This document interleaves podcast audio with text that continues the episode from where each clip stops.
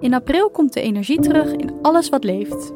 Dat is, net als in maart, de kiemkracht van Mars. Mars brengt deze maand door in het gevoelige teken kreeft. Wat doet dat met jou? Kruip je in je schulp of durf je te doen wat je wilt? Niets is leuker voor een schorpioen dan Mars in het verwante waterteken kreeft. Je kunt verwachten dat je dingen voor elkaar krijgt die anders veel moeite kosten. Je tempo ligt hoog, je bent scherp en strijdbaar. Soms misschien iets te strijdbaar, maar omdat je zo vol zelfvertrouwen bent, accepteert je omgeving jouw inbreng zonder er veel tegen in te brengen. Mars is net als schorpioen een van de symbolen die samenhangen met seksualiteit en erotiek. Dat klinkt waarschijnlijk als muziek in je oren en dat is het ook.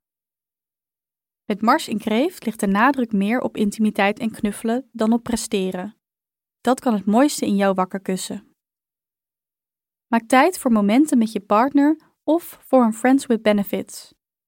Deze intimiteit kan de band tussen jou en een geliefde bekrachtigen. Jullie kunnen een taal ontdekken die geen woorden nodig heeft, maar waarmee je toch alles kunt overbrengen.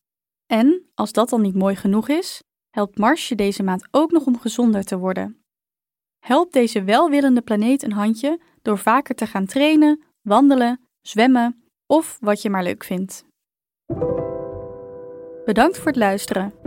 Wil je een maandhoroscoop nooit meer missen? Vergeet dan niet om je te abonneren op ons kanaal.